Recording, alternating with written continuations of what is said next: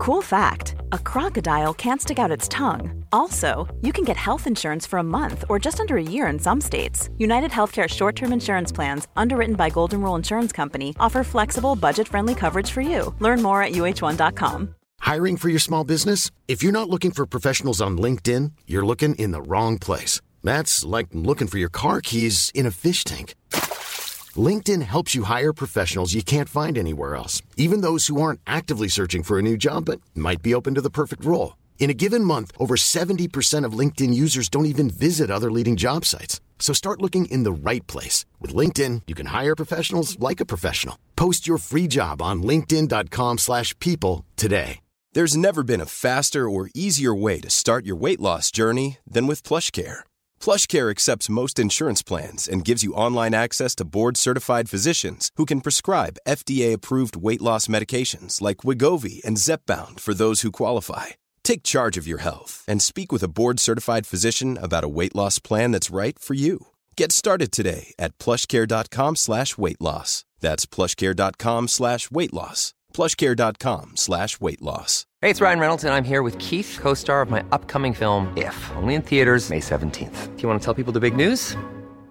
All right, I'll do. Sign up now and you'll get unlimited for $15 a month and six months of Paramount Plus Essential Plan on us. Mintmobile.com slash switch. Upfront payment of $45 equivalent to $15 per month. Unlimited over 40 gigabytes per month. Face lower speeds. Videos at 480p. Active Mint customers by 531.24 get six months of Paramount Plus Essential Plan. Auto renews after six months. Offer ends May 31st, 2024. Separate Paramount Plus registration required. Terms and conditions apply if rated PG. I don't need a lot of brains in this business. I mean, I've always said if you got an IQ of 160, give away 30 points to somebody else because you don't need it in investments. What you do need is emotional stability. Wow. Very first tech IPO, and it's a big one. Stock market hit an all-time record high today. A crash is coming now, whether it's six months from now, 12 months, 36 months, no one knows. There's a bear market about every five years. We've gone eight years without one. People have to realize this is the biggest IPO ever. Hej och välkommen till ett nytt avsnitt av Market Makers. Idag är det tisdag den 17 april och Stockholmsbörsen är faktiskt upp 2% senaste veckan. Hur känns det Fabian? Jo, Niklas, min vän, det känns, eh, det känns ju bra. Jag har Härligt. varit eh, oförskämt inaktiv på börsen senaste veckan. Varför det? Jag vet inte, det har bara blivit så. Det har varit fint väder. Det har Ja. dåligt väder också. Men... Ja, jag med. Jag har varit iväg på lite skidresa så det känns ju bra att se ditt eh, vackra anlete igen i verkliga livet så här. Hittar du några lynchningar där borta? Vart var du förresten?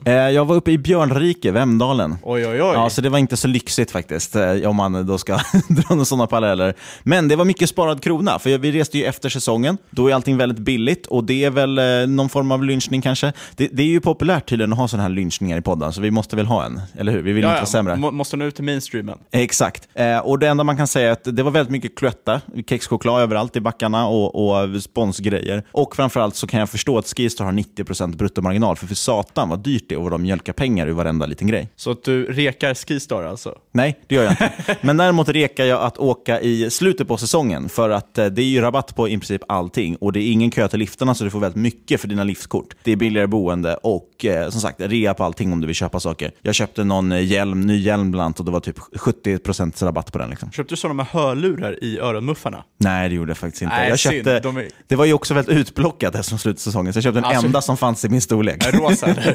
Nej, det var faktiskt inte rosa, det var svart. Oh. Eh, så det var väl det. Men vi ska vi köra igång med nyheter. Vi, idag, dagens avsnitt blir ju väldigt rapportfokuserat. Det blir lite sådär luddigt. Vi tänkte prata om telekom egentligen, men det var ganska ointressant. Ja, det var snarare att vi var rätt såhär, äh, vi hade ingen inspiration. Så att det blev att, va, ska vi snacka lite rapporter? Och då inriktade vi oss främst på Netflix och Storytel som vi tycker är två Ja, precis. Eh, och det, det har ju hänt massa sp- spännande grejer. Så att, eh, det, vi är liksom på gång att gå in i en rapportperiod igen. Det är redan ganska många stora bolag som har rapporterat främst i USA. Så att det blir rätt intressant. Men eh, vi kör väl ett vanligt nyhetssvep i vanlig ordning först. Absolut. Ja, och då tänkte jag först ta en uppföljning på det vi pratade om förr, förra veckan, nämligen CRISPR Therapeutics, eller Therapeutics. Ja, så stavas det. Eh, ja, de har ju fått godkänt för första gången att genmodifiera människor i Europa. Det är stort. Det är sjukt häftigt. Det var ju en eh, professor Robin Lovell Badge vid London Francis Crick Institute som sa att, det här, att vi kommer se tillbaka på det här ögonblicket som den verkliga början på genterapi. Det är ett ganska stort statement. Det är absolut, och det är en blodsjukdom som kallas talas, eh, talasemi, har jag för mig. Betatalasemi. Betatalasemi. Ja, jag har ju kollat det här med min sambo då, som har pluggat medicin och hur det här uttalas och hur det funkar. Men det ska i alla fall kunna botas genom eh, genredigering. Ja, betatalasemi det innebär att man får egentligen blodbrist då, blir det ju, på grund av en mutation i en gen som en del av hemoglobin, alltså röda blodkroppar. Och, så det är ganska tydligt, det är en liten gen som kodar det här och det går ganska enkelt tydligen att gå in och klippa den här eller ändra den eller vad de gör för någonting. Men det är stort i alla fall, så att det är den första sjukdomen antagligen man kan eh, hjälpa kanske med genmanipulation i människor. Jäkligt ballt. Och om du vill veta hur det här fungerar, hoppa tillbaka två avsnitt. Exakt, avsnitt 27 om CRISPR. Otroligt intressant område. Och sen, det är jäkligt populärt nu för tiden att tracka på Tesla. Och vi tänker inte vara sämre, utan vi tänker också göra det. Och det är nog ingen som har missat att Tesla har haltat produktionen för modell 3 för att fixa sina flaskhalsar i produktionen. Ja, och det är inte första gången. Vi har för mig att deras grundmål var väl att det skulle vara 3500 modell 3 i veckan. Så justerar de ner det till 3000, sen justerade de ner till 2500, nu är de nere på 2000 i veckan. Och eh, ja, bara för några dagar sedan så gick ju Elon Musk, alltså vdn på Tesla, ut och sa att eh, man skulle minsann inte behöva, eller man skulle kunna möta de här produktionsmålen man har nu. Och så bara några dagar senare så kommer man ut och säger att nej, vi måste stoppa upp produktionen. Och Samtidigt jag... som det ser ut nu så kommer de inte ens överträffa det som kom ut i mars. Nej, och en, en, lite intressant, de släppte faktiskt nyligen ett klipp, jag tror det var från CNBC Morning, eh, där de faktiskt fick besöka den här modell 3-fabriken. Och det var första gången man tagit in kameror där och visat upp hur det funkar. Och då var ju Musk ganska öppen och ärlig med att det har gjorts massa misstag och många var hans fel då, eller hans ansvar. Och en intressant grej var att han sa att den är ju i princip helautomatiserad den här fabriken. Men i dagsläget har de i princip sämre output än om de vore halvautomatiserade eller hade mer människor på plats helt enkelt. För de har helt enkelt inte kommit igång och fått robotarna att funka ordentligt. Och det är det man ska nu också stanna upp för och, och fixa. Liksom. Jo, eh, problemet är ju det att Musk har gått in i bilindustrin utan någon tidigare erfarenhet av bilindustrin. Och det är flera på topppositioner som inte heller haft det. Och då kan det bli sådana här problem. Jag vet att CNBC rapporterade om att mask, de hade fått massor med felleveranser. De hade inte fått felleveranser, de hade fått eh, suboptimal kvalitet på sina leveranser eh, till följd av att och de hade inte kontrollerat sina underleverantörer tillräckligt väl. En så typisk grej som man lär sig om man har jobbat inom bilindustrin tidigare. Men det kunde de inte göra för att Musk inte hade jobbat där. Eller liksom, det var inte tillräckligt mycket kompetens högst upp i ledningen. Nej, och det är ju svårt. Och han jobbar ju som en galning, men han driver ju också SpaceX som är världens första och största liksom, privata rymdföretag, som är också en enorm bedrift. Men alltså, han sitter ju bara halvt på vd-stolen, så jag menar, det är lite knepigt. Och det är väl det vi ska prata lite om, just hur hans agerande har varit. Men jag måste bara säga en sista grej om det här med att man stoppar produktionen. Något som jag tyckte var intressant, det var att man då gick ut till sina anställda och bad dem ta ut semesterdagar eh, för att täcka det, för de kommer inte få betalt när fabriken är stängd. Så de har inte råd att betala ut löner antagligen ordentligt när det inte händer någonting. Eh, lite intressant, skulle inte kunna hända i Sverige. Men en stor sak som vi faktiskt vill ta upp ifall vi har några lyssnare som äger Tesla är eh, tweeten som Elon Musk skickade ut i lördags där han skrev att bolaget kommer att vara cashflow positive Q3 and Q4. Ja, och det, bara för att förtydliga, det betyder alltså att de ska vara kassaflödespositiva, alltså de ska tjäna pengar egentligen. Inte på sista raden nödvändigtvis, men de ska ha kassaflöde in. Ja. Det har de inte haft tidigare. Antingen kan det vara fritt kassaflöde eller operativt kassaflöde, beroende på hur man tolkar det här. Men det här kan tolkas som en relativt problematisk tweet som kan sätta både Musk och eh, Tesla i en rätt knepig sits. Ja, precis. För alltså, normalt sett, ett publikt bolag, ett börsnoterat bolag, ska ju alltid, om de vill revidera sin guidance, om de ändrar sina prognoser eller vad de guidar för kommer hända framöver, då måste de göra det så att alla människor i marknaden får samma information. Så det ska gå ut via ett pressmeddelande eh, eller någon form av investor call. Alltså det, det, måste gå ut till alla samtidigt, annars får du informationsasymmetri. Och det är ju, det, det är ju olagligt faktiskt att, att ha det. Ja, och grejen är att det är inte första gången som Muskan och eh, Tesla säger någonting som de inte kan leva upp till. Eh, de har ju bland annat tagit in kapital när de har sagt att de inte ska göra det. De har sagt helt sjuka produktionsdeadlines som de inte håller. Alltså helt enkelt, de sätter upp väldigt aggressiva mål som de inte möter. Och nu går vd-ordförande ut på Twitter, en social medieplattform, eh, mitt på natten amerikansk tid för övrigt och ger väldigt, väldigt aggressivt mål inför Q3 och Q4. Du vill komma fram till att när anses det vara vilseledning och eller bedrägeri för att i stort sett hålla aktiekursen uppe? Ja, det är lite oroväckande och, och skulle det bli någonting, det kan ju vara så att SEC, alltså ja, motsvarigheten då till eh, blir det Finansinspektionen antar jag i USA, eh, det kan ju vara så att de granskar det här och, och faktiskt kom fram till att det är någonting felaktigt som har skett, så då kan det bli ganska dryga böter på det. Eh, och överlag är det ganska sjukt, det känns just nu som att finansmarknaden tittar alldeles för mycket på Twitter. Det sitter, Teslas, Teslas vd sitter och twittrar om grejer om deras mål.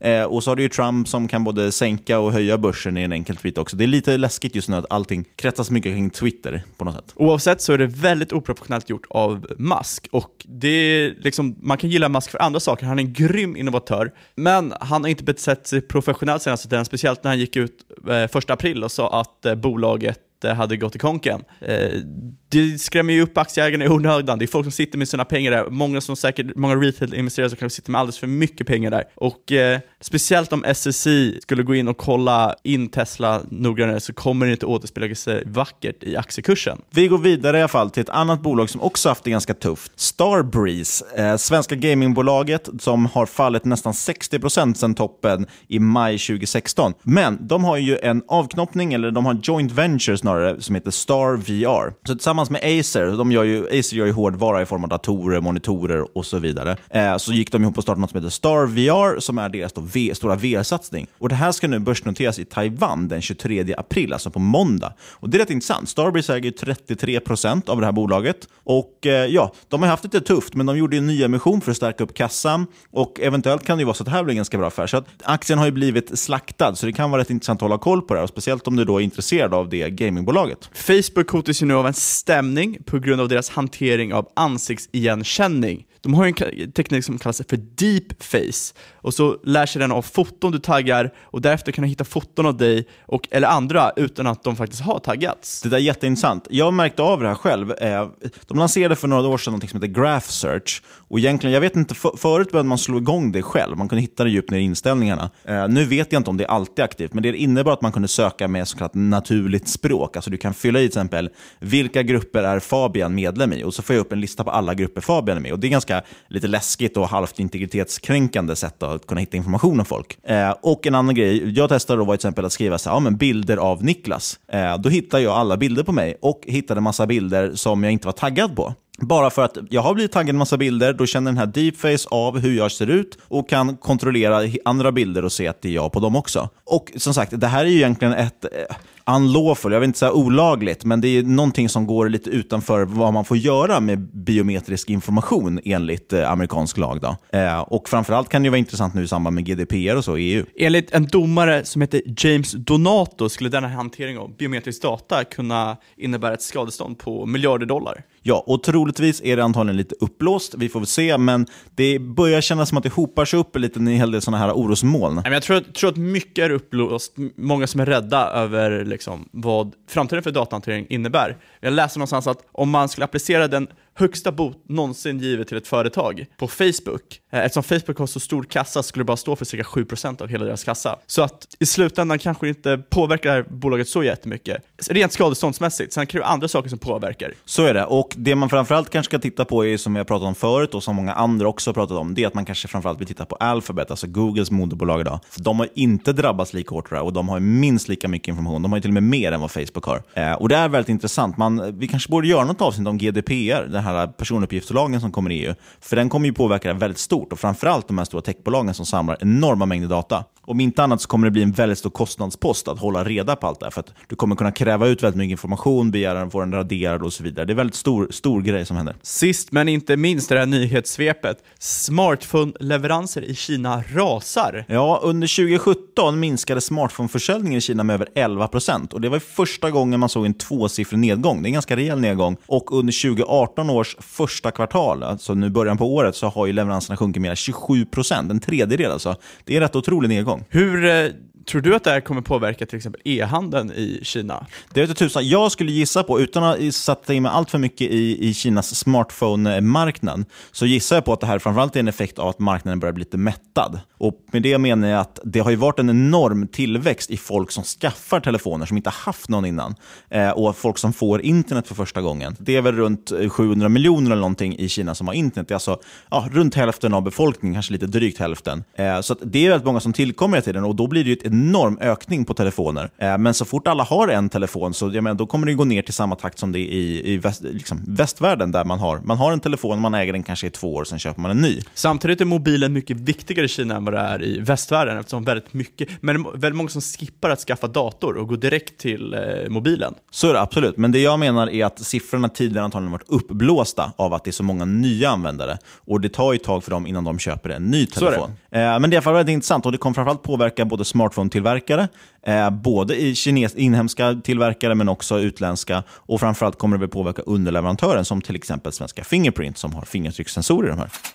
Och vi gläds över att återigen samarbeta med Fontobel som erbjuder spännande börshandlande produkter hos nätmäklarna. Och Den här veckan vill vi nämna deras Bull och Bear-certifikat med hävstång som lämpar sig väl om man vill dra nytta av kraftiga intradagsrörelser. Och det har vi haft nu när volatiliteten är tillbaka i marknaden. Och några av de mest populära produkterna i detta segment är Bullen Bear på OMX, alltså den svenska börsen och DAX, det vill säga den tyska börsen. Även olja är en populär produkt och alla dessa certifikat går att handla med väldigt hög hävstång om man gillar sånt. Det gillar ju du Niklas. Ja, det kan ju vara i alla fall bra att ha hävstången om man vill dra, få lite kraftiga rörelser i, i DAX-rörelserna. Eh, men dessutom finns det också certifikat för de som vill spe spekulera i spännande bolag. Vi nämnde ju Tesla tidigare i ett väldigt populärt certifikat. Norwegian som det kommer bud på här för någon vecka sedan och eh, varför inte H&M kanske? Ja, exakt nu när Stefan Persson gått och köpt lite mer aktier i H&M. Ja, för typ 900 miljoner kronor. Och eh, kommer vi övrigt få ut 3,4 miljarder kronor totalt i utdelning nu i en maj. En riktig utdelningssparare. Verkligen. Han borde starta någon sån blogg. Eh, Stefan, fri efter 30. Eh, du hittar i alla fall Fontobels produkter hos din nätmäklare om du söker på kortnamnet FON, alltså V-O-N. Glöm som vanligt inte att denna handel är förknippad med stor risk och görs på eget ansvar. Stort tack till Fontobel.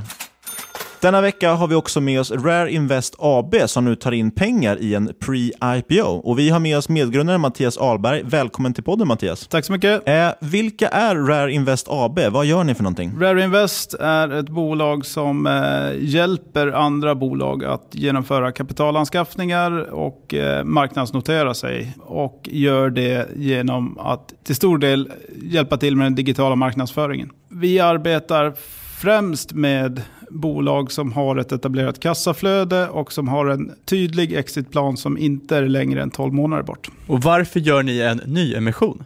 Vi gör en nyemission nu, dels för att eh, sprida vårt ägande inför en kommande marknadsnotering själva och eh, dels för att eh, bygga vår organisation för att vara redo för en marknadsnotering.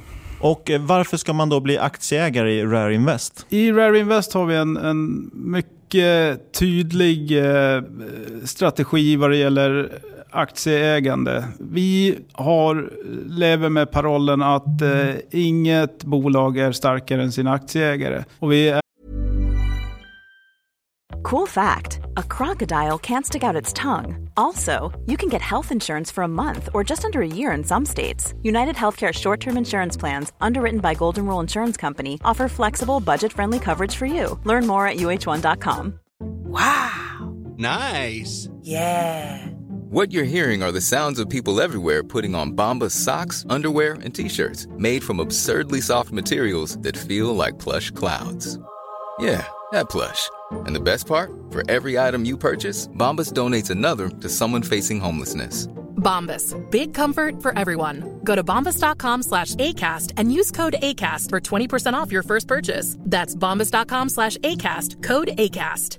Quality sleep is essential. That's why the Sleep Number Smart Bed is designed for your ever evolving sleep needs. Need a bed that's firmer or softer on either side? Helps you sleep at a comfortable temperature? Sleep Number smart beds let you individualize your comfort so you sleep better together. JD Power ranks Sleep Number number 1 in customer satisfaction with mattresses purchased in-store. And now, save 50% on the Sleep Number limited edition smart bed for a limited time. For JD Power 2023 award information, visit jdpower.com/awards. Only at a Sleep Number store or sleepnumber.com. Hiring for your small business? If you're not looking for professionals on LinkedIn, you're looking in the wrong place. That's like looking for your car keys in a fish tank.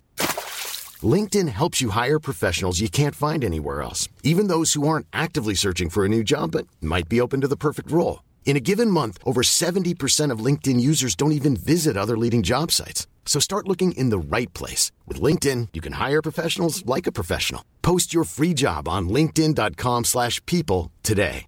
There's never been a faster or easier way to start your weight loss journey than with PlushCare. PlushCare accepts most insurance plans and gives you online access to board-certified physicians who can prescribe FDA-approved weight loss medications like Wigovi and Zepbound for those who qualify. Take charge of your health and speak with a board-certified physician about a weight loss plan that's right for you. Get started today at plushcare.com slash weight loss. That's plushcare.com slash weight loss. plushcare.com slash weight loss.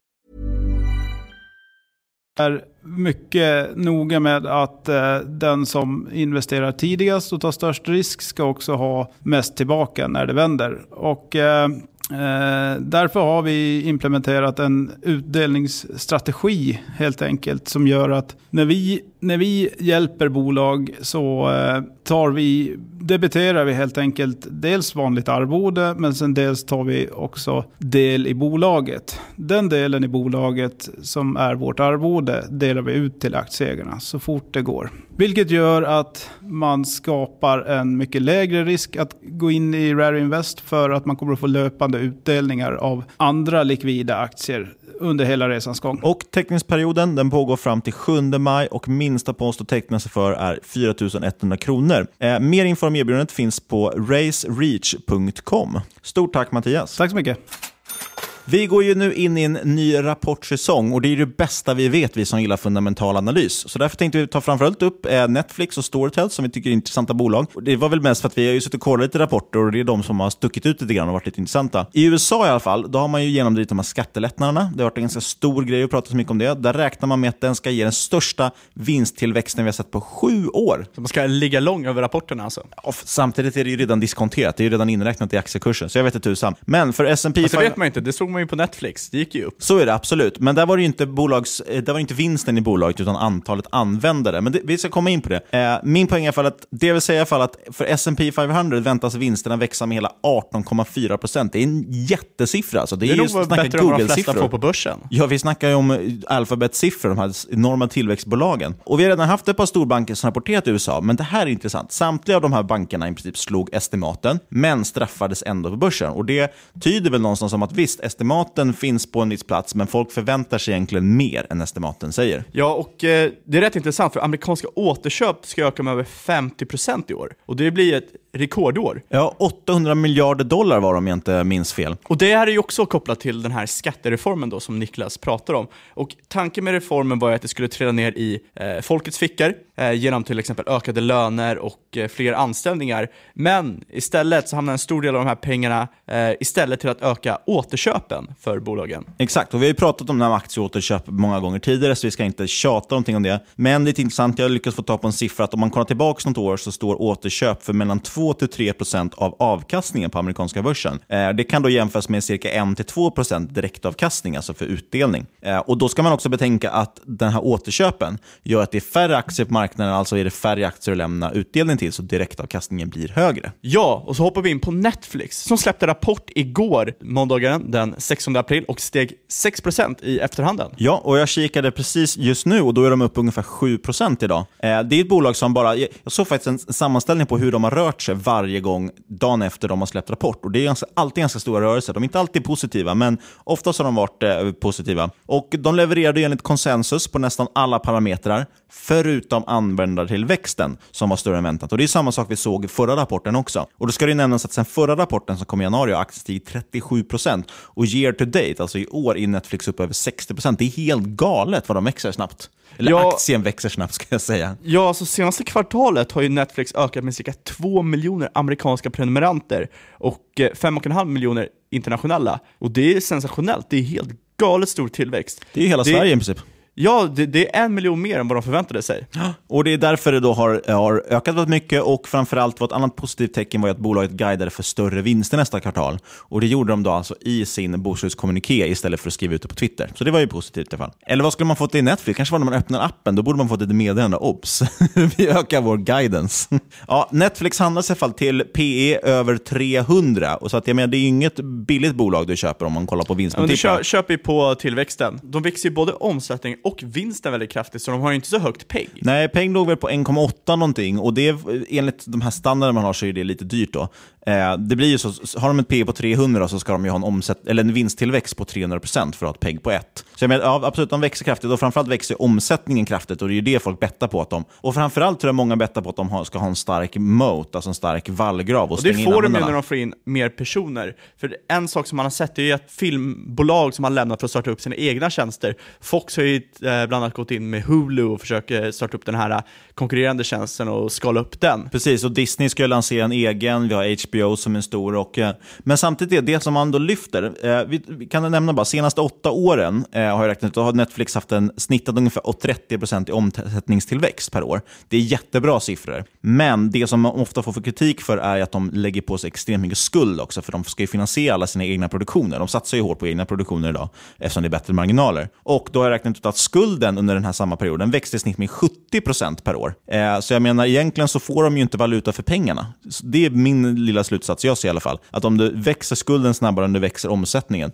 då får du inte tillräckligt med valuta på varje investerad krona. Eller tänker jag fel tycker du? Nej, jag tycker, att, eh, tänker att deras balansräkning är inte alls kul för investerare. Och, äh, det är ett jätteintressant bolag, det är nästan ett liksom, revolutionerande bolag, för det här är liksom, det har aldrig funnits förut. Och det kan ju liksom stiga, fortsätta stiga härifrån, det är ingen som vet det, men risken Risken är väldigt stor jämfört med uppsidan. Ja, precis. Och det är det jag vill poängtera. Jag tycker i alla fall fundamentalt ser det inte så intressant ut. Jag skulle säga att det är ett bolag man vill äga, men man vill äga det till ett billigare pris antagligen. Men Eh, som och- vanligt är, kommer det någonsin komma ett billigare pris? är Det vet vi inte. Det är det som de här senaste tio åren har... Jo, men snart är bullmarknaden slut. Snart är den slut. Nej, men det är i alla fall så, precis som du säger, de har en balansräkning från helvetet rent ut sagt. Och eh, framförallt är det prisat för perfektion. För det vore en helt annan sak om du betalade typ P 20 för det här bolaget någonting. Då hade jag nog köpt det, för att det, då är det jätteintressant när det växer så pass kraftigt. På tal om P20, den här starka tillväxten som Netflix har haft, det kan ju ge lite nosning kring hur amerikanska techaktier kan prestera senare under året. För alla andra bolag rapporterar lite senare i år. Och de fem största techaktierna, eh, Äpplet, Alphabet, Microsoft, Amazon och Facebook, de står ju för 44% av Nasdaq-indexet och kommer enligt konsensus sammanlagt ha en vinst på 170 miljarder dollar och en kassa på närmare 700 miljarder dollar till 2020. Betyder att de kan köpa upp mer än hela svenska börsen? Ja, det är helt, det är För sin helt sjukt. De kommer ha ett snitt P på 20. Mm. Och räknar du bort eh, Amazon så kommer de ha ett P, snitt P på 16. Ja, och man räknar ju bort Amazon för att de snittar väl P på 200 eller något sånt. Det är lite samma grej som med Netflix där. Exakt, men det var en outlier värderingsmässigt. Och det är väl som du säger, att ja, visst, de, det kanske inte är prisat för perfektion som många tror. Framförallt räknar man in lite vinsttillväxt och sådana grejer så blir det ganska intressanta case faktiskt. Men framförallt är det väl just det att det är några bolag, också, framförallt Apple är väl det man brukar prata om, som de växer ganska kraftigt, men de värderas inte till de här sjuka multiplarna som de andra har gjort. För ändå Facebook och Alphabet så har ju legat runt så här P mellan 20 och 30 någonting. Något som är väldigt intressant är att ta hänsyn till till exempel traders inte legat så här nettokorta eh, Nasdaq 100 Futures sedan 2011. Så om du har en contrarian view så går du ju lång nu. Ja, och det är lite intressant, för det har ju varit tvärtom. Det du säger där, bara för att förtydliga, är ju att eh, folk ligger helt enkelt positionerade för att nedgång i Nasdaq. Och eh, så helt plötsligt blir ju motvalsvis, motvalsen blir ju att gå lång. Och det låter jättekonstigt, för det är det alla har gjort innan. Ja, jag vet inte. Det som är väl grejen också, att många kanske är rädda just för de här nya dataregleringarna vi pratade om tidigare och just det sentimentskiftet, att folk börjar kanske klanka ner på Facebook och framförallt reglera de här bolagen. Eh, och det skulle kunna slå hårt, men å andra sidan då kan det kanske vara värt att spekulera i att motsidan kommer ske, eller att det motsatta kommer ske. Men ett bolag som liknar Netflix, det är Storytel.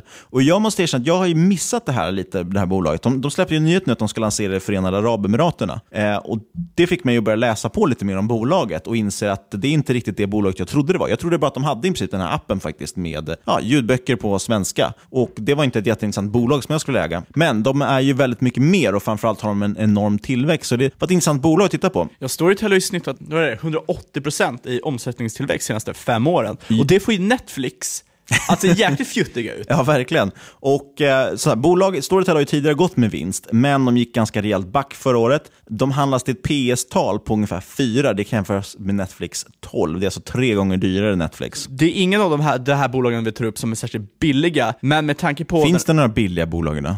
det skulle vara biltillverkarna som du har pratat bil, om. Biltillverkare, men de är billiga av en anledning. Ja. Men Ja, de är inte, vart var jag någonstans ens? De här bolagen är inte så billiga, men med tanke på den här omsättningstillväxten och de höga värderingar för denna typen av bolag, de här typen av liksom techbolag om man kan kalla det, Ja, kalla eller Netflix framförallt tillväxtbolag är egentligen det som är. Det är ju det som har Ja, prisats då, kan, då kanske det inte är så orimligt jämfört med de här marknaden. Nej, så kan det vara. Och framförallt om man har en bruttomarginal på drygt 40%, det ser ganska bra ut. Och, och Det är det som är intressant, att de betalar ju ut rätt mycket royalties för sina böcker och då är det ju det vanliga, det man pratar med Netflix också, man vill ju producera eget innehåll för bättre marginal. Och då kom den grejen till som jag inte kände till innan, som jag tyckte gjorde Storytel väldigt intressant. Och det är att de äger väldigt mycket eh, förlag själva. Så det är ju så, så att många, mycket av deras royalties går faktiskt till deras egna förlag och då är det de som fortfarande tjänar pengar. Så, så den här marginalen de har, bruttomarginalen i alla fall, den är faktiskt bättre än Netflix bruttomarginal också. För att Netflix, deras överlag, deras produktionskostnader är ju också dyrare för eget material. Det är väldigt mycket billigare och lättare att göra ljudböcker eh, och läsa in dem. Eh, plus att man som sagt tjänar på själva bokförsäljningen också. Och det ska faktiskt nämna att de här bokförlagen, de växer också organiskt. Så du har delvis organisk tillväxt i strömningsintäkter,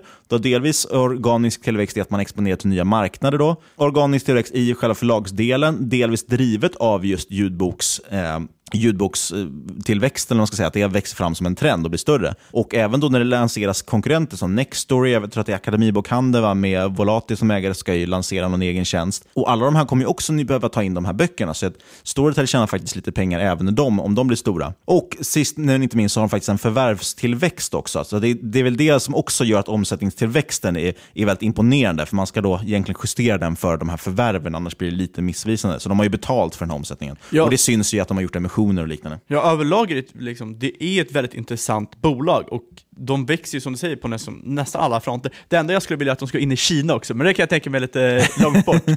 Det kan vara så, och framförallt tror jag att det är väldigt svårt. Jag vet faktiskt inte vilka som är stora i Kina på ljudböcker, om det finns några. Troligtvis äger väl Alibaba eller Tencent i bolaget. Jag- kan ju jag- nämnas, tittar vi globalt, så är ju den största konkurrenten i Audible, och det ägs ju av Amazon. Och det är liksom, är det största konkurrenten så är- visar sig att Storytel en ganska stor spelare ändå globalt. Så de har väldigt mycket, det är, det är ganska mycket marknader de är inne på och eh, håller på att lägga fler och fler under sina fötter. Och det är väldigt intressant tycker jag. Jag tog faktiskt en liten post till och med i bolaget just för att jag tyckte att det här var så pass intressant. Men jag ska läsa på ännu mer om det också om jag ska köpa något mer i det. Eh, och sista liten grej som ska nämnas, som jag i alla fall ser som något positivt, just när vi har den här trenden i passivt investerande och så som vi har pratat om förut. Och, eh, och Det är väl att de är noterade på aktietorget och har relativt låg omsättning. Det är tillräckligt bra för att kunna komma in och ur det smidigt. Eh, men det gör ju också att det är färre stora aktörer som följer bolaget. Jag vill mena att det var eh, Pareto Securities och ABG som är väl de enda analytiker som följer det här bolaget egentligen. Och man har lite ägande liksom från Handelsbanken, fonder, Swedbank Robur och så. Så det är, det är inte så mycket stora spelare i alla fall som är med inne i det här. Det kan vara mycket intressant om man, gillar, om man inte gillar den här ETF och indexhåsen. Exakt, för det är det, den typen av bolag kommer ju drabbas högst antagligen. Eh, samtidigt som man vill hitta bolag som då kanske har tillräckligt bra likviditet ändå, så du kan komma ut ur dem om det skulle vara en riktig kris. Eh, men med det sagt så har också aktien gått väldigt starkt. Så jag menar, det, det är lite samma grej här, du köper någonting ganska dyrt. Eh, men som vi pratade med Netflix, det kanske är så att det inte blir billigare å andra sidan heller. Oavsett vilket, Storytel de rapporterar 15 maj, om en knapp månad alltså. Eh, vi har flera andra bolag som är på väg att rapportera innan dess. Och Framförallt ska det bli kul att hålla koll på de här stora techgiganterna, men det finns också en del svenska bolag som är kul att hålla koll på. Det vissa bolag är ju så att de ger lite en känsla för hur, hur marknaden ser ut. Vi pratade ju förra veckan om LVMH, alltså Louis Vuitton Moet Hennessy, som hade rapporterat väldigt bra. och Det tyder då på att, att lyxvaror överlag säljer väldigt bra. Ja, det kan ju vara bra att hålla koll på rapportreaktionerna för att liksom kunna känna av marknaden. Just nu när det är liksom väldigt volatila tider. Som vi nämnde tidigare så var det ju så att flera storbanker i USA har rapporterat, men trots att man slår förväntningarna så faller ändå aktierna, eller faller bolagen. Och det, det säger någonting om marknadssentimentet och det här är väldigt intressant att hålla koll på. Nu såg vi att Netflix, ja, de slog estimaten och det har varit väldigt positivt. Det, det är intressant att hålla koll på hur, hur sentimentet ser ut på marknaden egentligen, om man, om man är lite mer kortsiktig i och för sig då, i sin handel kanske. Så är det, absolut.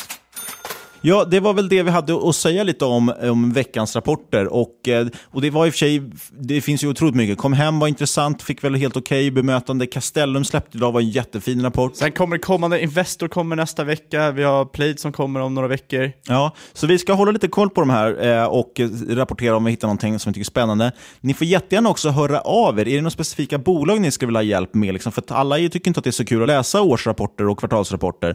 Så att eh, mejla oss på podcast.ipo ipo.se eller skriv till oss på Twitter, at marketmakerspod. Och berätta, vilket är ditt favoritbolag som rapporterar? Skulle du vilja ha hjälp med att tolka det, eller vad du tycker, vad man ska tänka om en rapport egentligen? Det Okej. kunde vara en kul grej. Absolut, men en liten snabb innehållsförteckning. Ja, vi har pratat om massvis med bolag. Som sagt, jag nämnde att Storytel har tagit en liten post i. Netflix äger inte. Jag önskar att jag gjorde det. Jag har haft dem ett kort tag, men eh, äger de inte just nu. Det önskar jag att jag hade gjort såklart. Jag har en liten posse i Facebook. Oj, oj, oj. Och jag har eh, Microsoft har vi väl nämnt kanske någonstans också. Annars kommer jag inte ihåg. Vi pratade om Tesla, CRISPR, eh, H&M tror jag vi sa någonting om. Ja, ja, vi, vi, vi kan liksom sammanfatta författa det så här. Inget som du har hört i denna podcast ska ses som rådgivning och alla åsikter är våra egna eller vår gäst och eventuella sponsorer tar inget ansvar för det som sägs i podden. Ja, och tänk på att alla investeringar är förknippade med risk och sker under eget ansvar. Alla investeringar kan alltså gå upp och ner i pris. Ja, tänk på att börsen är dyr. Var försiktiga där ute.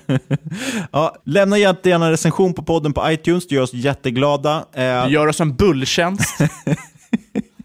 Ja, verkligen. Och vi vill ge ett stort tack till Fontobel. Kolla gärna in deras produkter hos din nätmäklare. Sök på kortnamnet FON, alltså V-O-N. De har intressanta certifikat till exempel med hävstång om man gillar att investera i det. Och kolla in Rare Invest AB på racereach.com. Fram till 7 maj kan man alltså investera i det här bolagets pre-IPO med då sikte på en börsnotering någon gång senare i år kanske. Kan vara en intressant investering. Och eh, stort tack som vanligt till IPO.se som vi producerar den här podden tillsammans med. Sist men absolut inte minst, tack för att du har lyssnat. Vi hörs om en vecka. Ja, och vad händer om en vecka? Då har vi med oss Per H. Börjesson från Spiltan AB. Sveriges Warren Buffett. Jajamän, och det blir ett intressant samtal om eh, allt möjligt. Bolagsvärderingar, eh, onoterat, eh, bra bolag, bra entreprenörer. Ja, det är sjukt intressant, sjukt bra intervju och Fantastiskt trevlig människa. så är det, absolut. Tack, vi hörs om en vecka.